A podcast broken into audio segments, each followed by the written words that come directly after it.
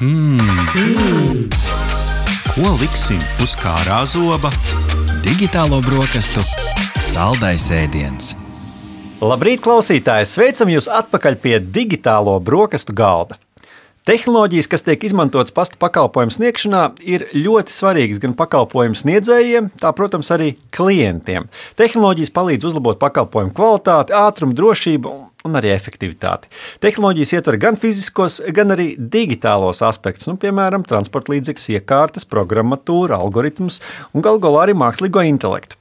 Šajā diskusijā mēs apskatīsim tehnoloģiskos risinājumus, ko izmanto Latvijas pasts, kā arī ieskatīsimies nākotnē, izzinot, kā attīstīsies pasta pakalpojumu nozare Latvijā turpmākajos gados. Un par to visu sīkāk vaicāsim mūsu šīs dienas raidījuma viesiem. Latvijas pasta valdes loceklis Kristaps Krūmiņš. Labrīt! Labrīt! Kā arī vecākais projekta projektu vadītājs Toms Vāver. Labrīt! Nu, sveiciens, kolēģi, pie mums. Gribam izzināt, cik tehnoloģisks ir kļuvis pasts no tām senajām dienām, kad viss notika ar K2 palīdzību. Gan jau, ka mūsdienās tas viss ir kļuvis daudz jaudīgāks, daudz efektīvāks, lai turētu līdzi mūsdienu efektīvās un jaudīgās pasaules prasībām. Un kāds tad ir tas? Ņemsim par piemēru, varbūt vēstuli, kas ir tāds standarta formāts. Vēstuli es to uzrakstu, es to iemetu paskastītē kāds ir tālākais ceļš līdz saņēmējiem un kādas tehnoloģijas parādās kaut kur pa vidu. Īstenībā Latvijas pastam ir jāatrod tas līdzsvars starp to vēl vēsturisko pieeju, jo mums arī klienti ir kādi, kur mhm. ļoti labprāt sagaida to, lai, lai viņam ir īpaša apkalpošana, tā kā tas bija senāk. Un ir šie jaunie klienti, kas jau ir ļoti draudzīgāki ar digitālajām lietām, tāpēc ir jāatrod šo līdzsvaru. Un vēstules ceļojums īstenībā ir tā kā jau arī noraksturojāt, viņš sākas ar vēstules uzrakstīšanu, ievietošanu paskastītē, pēc tam atbrauc pie mums līdz eh, sūtījuma šķirošanai. Un tā tālāk ir ceļš līdz pat pasniegam, kur pasniegs atnesīs klientam uz mājām.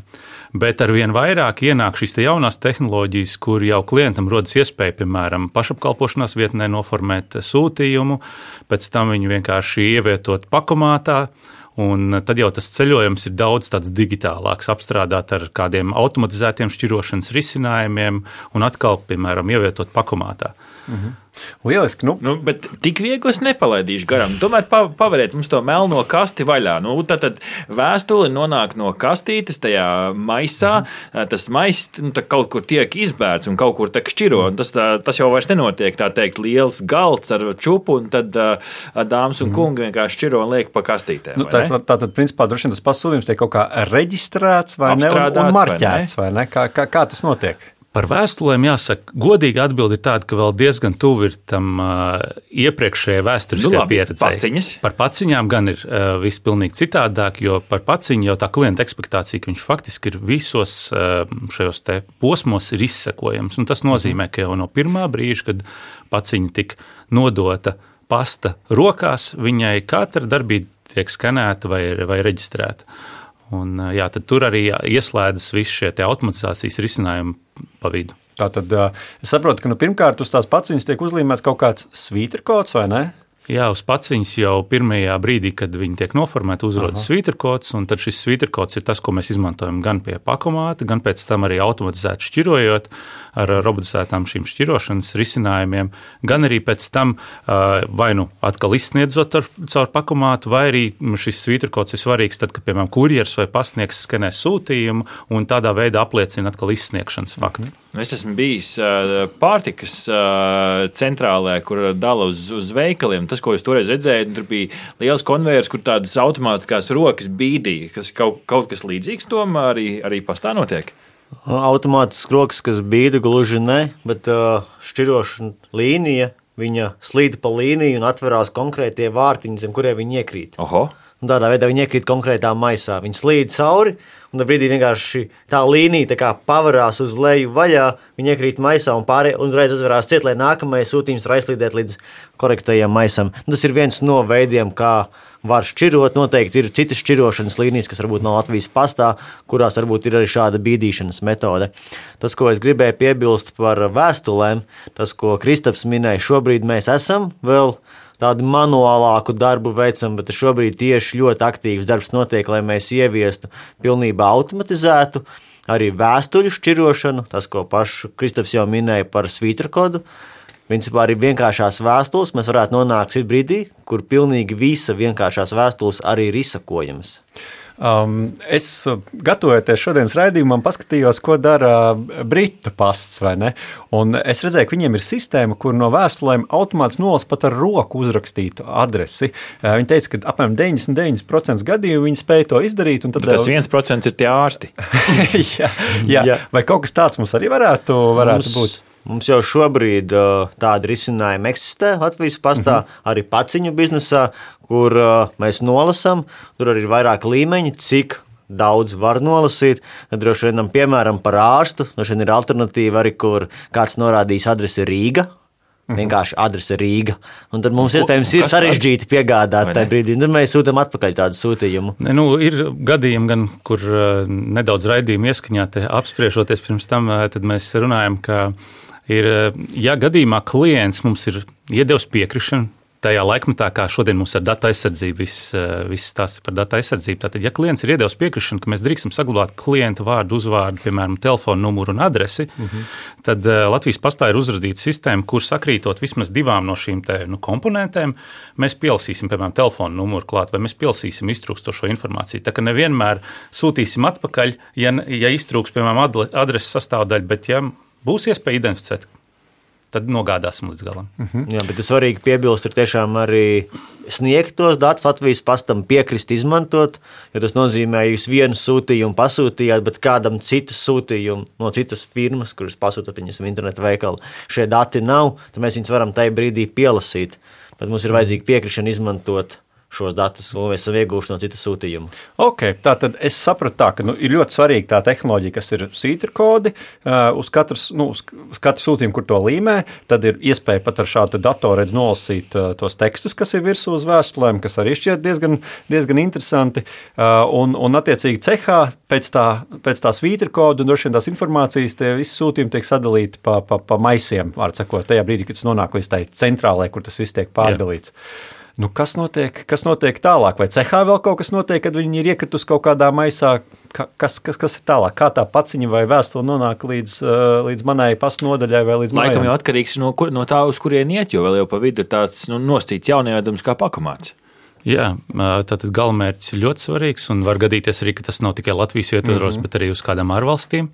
Tad attiecīgi arī mēs virzam šīs sauksim viņus par kravas vienībām, vai tas ir maisa vai tā ir kaste, uh mhm. -huh. viņas tiek pievienotas konkrētiem maršrutiem. Tas, protams, arī tiek darīts sistēmās, kur attiecīgi mēs pasakām, ka mēs liksim, piemēram, uz avio reisu konkrēti un apmainamies arī ar um, lidostas un uh, lidsabiedrībām ar šo informāciju. Latvijā tieši tas pats mēs pievienojam viņus līdzīgi kā varbūt varam vilkt paralēlus ar lidostā pie kāda geita, ka jums skenē, vai šim cilvēkam ir atļauts iekāpt šajā avio reisā. Tā līdzīgi arī mums ir skenējama pievienošana kādam maršrutam, un tikai tad viņu var fiziski ņemt un vest līdzi. Un tā, vai kravas vienība vai sūtījuma viņi tiek šādi reģistrēti, lai, lai kontrolētu gan kvalitāti, ka neaizsūtām kaut ko nepreizā virzienā, gan arī vai nav kādā posmā aizkavējies kāds sūtījums nesamērīgi ilgi. Tīri paturpinot par to avio sadaļu, vai pasūtījumi tiek vesti tikai ar kravas lidmašīnām, vai varētu būt arī, nezinu, uh, Air Baltica reis uz Vīni, kurā tiek ielādēta viena paciņa, jo, redz, nav jāgādā vesels milzīgs konteiners ar, ar pakām, bet redz, kur neliels apjoms, bet ļoti ātri toties. Tieši jāsaka, ka lielākā daļa to sūtījumu, ar kuriem mums pasts asociējas, tiek sūtīta ar pasažieru lidmašīnām Aha. un parastajos kravas nodalījumos. Ir gan stāsts, piemēram, par mūsu Latvijas pasadarbību ar visiem zināmu AliExpress platformu tirzniecības. Tur gan mēs saņemam jau sūtījumus ar kravas lidmašīnām Latvijas virzienā, bet nu, tie, tad ir akumulēti šādi lielie apjomi. Okay. Tad nākamreiz, kad nedaudz jāuzgaida lidmašīnā, nedusmojieties, jo tiek lādēts gan koferi, gan sūtījumi, bet tas ir visu mūsu labā.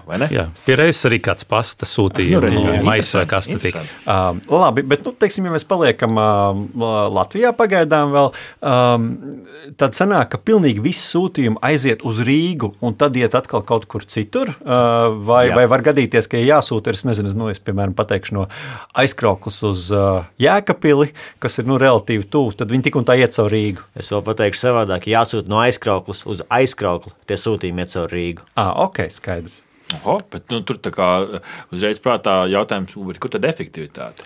Efektivitāte slēpjas tajā, ka mm, uzturēt, eh, piemēram, darbiniekus, kas atsevišķi kaut vai būs gatavi sašķirot pāris sūtījumus, decentralizēti, ir daudz eh, nu, teiksim, sanāk, mm. nesaimnieciskāk un neefektīvāk nekā, piemēram, eh, atrast kādu vienu robotizētu risinājumu, kurš tad ļoti īsā laikā spēja kvalitīvi tikt galā ar lielu apjomu. Okay, tā tad viss Rīgā lielajā cehā ir sakritis vienā maisā vai kastē. Uh, um, tad sanāk, ka uh, tā kaste ir veidota tā loģiski, ka tie sūtījumi visi ir teiksim, nu, uz, uz, uz vienas līnijas vai vienā pilsētā, vai, vai kā, kā tā plānošana notiek, tā loģistika. Loģistika nu, maisā nonāk šobrīd sūtījumi, ka viss, kas ir mēs skatāmies uz pastu nodaļu vai Aha. uz vienu konkrētu pakumātu, viss ir vienā kastē vai vienībā. Un tad šobrīd Vēl šobrīd mums ir diezgan manuāli. Mēs tālāk nododam to pasniegam, sašķirojam. Piemēram, pretī ir septiņi pasniegi, kas apkalpo tajā teritorijā, uh -huh. kur mēs arī jau šobrīd jau uzsākam testēšanu, kur pasniegs jau mēs nešķirojam nodaļas līmenī, bet mēs šķirojam jau konkrēta pasniega līmenī, uh -huh. ka mums ir konkrēts sainis lielāks, mazāks, ar visiem sūtījumiem, ko piegādā pieņemsim Artis. Mm -hmm. Un tad Artis saņem konkrētu summu, viņš uzreiz dodas ceļā. Tas tas, uz ko mēs arī ejam. Un arī tālākā piegāde, ja ir vietas, kur vēl pasniegs pats pārzina, kur par labi, kur pa kreisi un kādas mājas, tad arī nākotnē mēs, un kas ir tuvākā nākotnē, daļa pasniegt jau šādi pat strādā, ka viņiem ir aplikācija, kas pasaka, kurā mājā jāpiegādā, kāds ir durvju kods, jo mums ir jāzina pilnīgi visi durvju kodi atslēgas, lai mēs tiekam pie jūsu daudz dzīvokļu mājas paskastītas. Un tādā veidā mēs mēģinām ar to pilnībā centralizēt, ka pasniegam nav jāveic cits ekstra darbs, bet te Rīgā, ko tu minēji, mm -hmm. mēs izdarām pilnīgi visus soļus, lai pasniegam atlikt tikai doties un pēc iespējas ātrāk un kvalitīvāk piegādāt sūtījumu.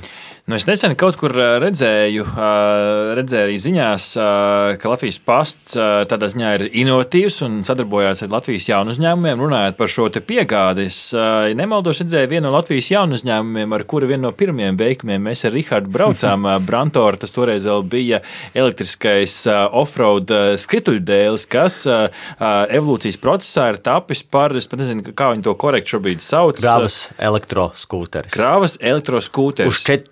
Lai saprastu, viņš ir uz četriem riteņiem. Ar nevis, lielu kasti un stūri. Ar, ar lielu kasti un stūri, lai droši vien klausītāji varētu uztvert. Noteikti Rīgas ielās un citās pilsētās ir redzēts Bolt skūteris. Mm -hmm. Tāpēc sava tā pirmā izskata viņš būtu tieši tāds pats, tikai nu, savas piecas reizes platāks, nu, tik plats kā bērnu ratiņi, es mhm. teiktu, uz mhm. četriem ritiņiem un ar priekšā diviem lukturiem. Ar diviem lukturiem, bremzēm, okay. pagriezienu gaismām. Pastāstiet par šo eksperimentu.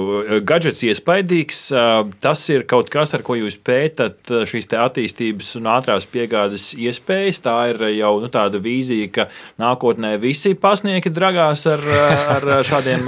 nu, visi noteikti nē, daļa noteikti brauks ar mašīnām, mm. jo tālāki gabali ja mēs runājam par lauku reģionu, tad skaidrs, ka tā piegāde ir ar mašīnu un iespējams arī ar pilnpiedziņas mašīnu. Tad, eh, bet jā, pilsētas vidē mēs šobrīd testējam, mums to tā brīdī ir viens šāds mm -hmm. braucam rīks, sauksim, transporta līdzeklis, mm -hmm. un viņš pierāda sevi kā ļoti labu. Patiesībā arī gan no pasniekiem ir ļoti pozitīvs atsauksmes, ka viņi spēj savu darbu paveikt ātrāk un fiziski vieglāk, jo, pieņemsim, nav jāminās ar riteni vai jāiet ar kājām.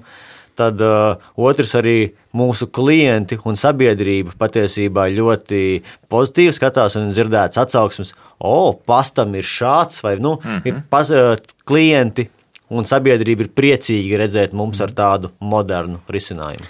Man ir pāris tādi, nu, ja tā var nosaukt, ātrie jautājumi. Aiziet šādi. Um, jā, viens ir, viens ir par to pieminēto jau uh, paku skapi. Kā tad iet? Vispār izmanto daudz, uh, ir, ir uzrāviens, vai, vai attiecīgi, nu, kā saka, uh, ir kā cerēts, vai varbūt ir vēl labāk, kā tur veids? Nu, jāsaka tā, ka pakamāti, kā mēs viņus saucam, pakamāti, jūs Jā. nosaucat pakskapi, tad viņi ir populāri. -huh. Un tas Latvijas pastredzējums ir īstenībā, ka šis te paku skapis, kā jūs teicāt, būtu faktiski nākotnes tāda digitālā pasta nodaļa. -huh. Tad patiesībā nevienam cilvēkam nebūtu jāiet meklēt, kur ir tā pastnodaļa, kādu mēs esam pieraduši redzēt, bet pie pakumā tur atrisināt visu. Tā skaitā nosūtīt uz jebkuru vietu pasaulē arī sūtījumu. -huh. Iespējams, ka kādās situācijās būs vajadzība vēl izmantot savu telefonu, lai tur ievadītu kaut kādu vairāk informācijas, ja tiek prasīta, bet visādi citādi pie pakomāta arī tā skaitā vēstuli. Gribi no, nosūtīt vēstuli, tad izdrukāsi šo svītru kodu uzlīmi. Mm -hmm. Tā kalpos kā pastmarka, līmē virsū un nosūta. Šis tieši mans nākamais jautājums. Pastmarkas tāda jauka, sentimentāla lieta, tad tas ir relikts, vai tam ir šobrīd vēl kaut kāda tāda, nu, tāda jēdzīgs pielietojums. Funkcionāli efektīvi, jā, jā. efektīvs pielietojums, nevis kaut kas, ar ko nodarbojas kolekcionāri. Visi tie, kas grib kaut ko skaistu, varbūt aizsūtīt. Jo man pašam arī patīk pas, pasmārks, nepārprotiet. Nu, ir, ir cilvēki, kā jau mēs iesākumā runājam, ka, kuriem vēl patīk, lai viss ir pa vecam, un arī lai ir vēstule noformēta ar šo smuko bildīti, un, un bildīti arī ir īpaša nozīme. Mhm. -huh. Bet, kā, ja mēs par tehnoloģijām runājam, tad atkal Latvijas pasta interese un kur varam sasniegt to efektivitāti, ir tad, ja sūtījums jau no pašas pirmā mm, brīža ir ar šo svītru kodu. -huh. un tad attiecīgi visos posmos viņi ir daudz vienkāršāk un efektīvāk apstrādāt. Uh -huh. Tāpēc Eh, tā nākotne tiem, kuri vēl gribēs pārsūtīt kādus dokumentus, mm -hmm. piemēram, vēstules veidā, tad uh, tomēr pastmarka un svītra kods tas būs mhm. ļoti cieši sasaistīts. Zīmogs vairs nespiež virsū zīmogus eh, tur, kur ir pastmarka, tur spiežam. Jā, okay. Eh, tas, ir kāds, eh, tas ir kā risinājums, lai šī pastmarka vairs nebūtu otrais lietojama. jo, jo ir talantīgi cilvēki, kur mēdz arī šīs pastmarkas noņemt no un lietot atkārtot. Ir vēl kāds otrais jautājums, Rihard? Par tīri par starptautiskajām sistēmām. Es saprotu, vienkārši iespējams, ka ir vienota sistēma, un tāpēc viss saprotās arī, nezinu, Vācijā, Lielbritānijā vai Bangladešā saņemot sūtījumu no Latvijas. Vienkārši ir vienota sistēma, kur viss saprot kas tas ir. Jā, tieši tā tas arī ir. Mm -hmm. Mums ir vienota sistēma, kur mēs apmainamies ar datiem. Mm -hmm. okay. Labi. Okay. Jūs pieminējāt nākotni. Atlikušajās uh, nepilnās piecās minūtēs gribu vēl paskatīties uz uh, priekšu. Konceptuāls jautājums. Inovācijas tā, tā ir tik daudz, ir viss kaut kas, ir, ir, ir, ir droni, ir roboti, ir viskaut ir skūteri, ir dažādas tehnoloģijas, kas ienāk. Nu, pastam tak tomēr ir kaut kā jāsalāgo. Kā, kā arī mēs sākumā runājām, tomēr ir dažādas paudzes, dažādas ekspektācijas. Kāds tā lielos vilcienos ir tas inovāciju ieviešanas process. Un tā pilnīgi visu nevar arī ņemt, nevarēs tā visu aptvert, vai ne? Jā. Um. Tā, tas, kā man patīk salīdzināt, ir bankas un bankomāti. Ja, kā mēs redzam, agrāk bija daudz bankoma, bankas filiāļu, un bija mazāk bankomātu, tad tas notiek šobrīd ar Latvijas pastu, ka pasta nodaļu skaits mazinās, bet kļūst vairāk šo robotizēto risinājumu kā pakomāti. Ja. Un, lai to sabalansētu arī ar tiem, to vēl mūsu sabiedrības daļu, kas varbūt nav gatavi pieņemt šos mūsdienīgos risinājumus, mēs, piemēram, lauka rajonos ieviešam to, ka pastnieks ir kā tāda ceļojoša pasta nodaļa mm -hmm. vai konsultants, kurš tad ir gatavs atbraukt pie tiem cilvēkiem, kuri vēl grib pakonsultēties, to izdarīt, nu, komunicējot ar klientu. Bet tā pašā laikā ļoti intensīvi strādājam uz šiem digitāliem risinājumiem, lai sasniegtu tos klientus, kur atkal ir ar mūsdienu tehnoloģijām uz to.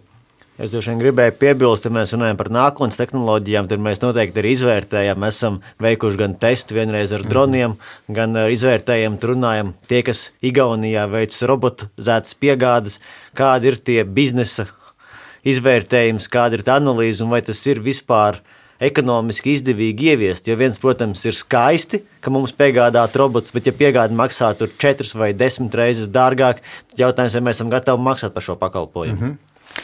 Um, ja. Vēl viena lieta, ko es gribēju piebilst, atkal salīdzinot vēsturisko un šodienu. Agrāk mēs visi, kā klienti, gājām pie pasta pēc kaut kādiem sūtījumiem. Šodienas tendence ir tā, ka pasts ir arvien tuvāk klientam. Un tā ir viena lieta, kur mēs redzam arī visā pasaulē. Uh, un uh, viena no tādiem soļiem, ko esam spēruši šajā virzienā, ir saucamais mājas pakomāts. Ko tas nozīmē? Tas nozīmē, ka arī pie privātmājas, piemēram, man šobrīd ir pie mājas savs privāts pakomāts. Mm.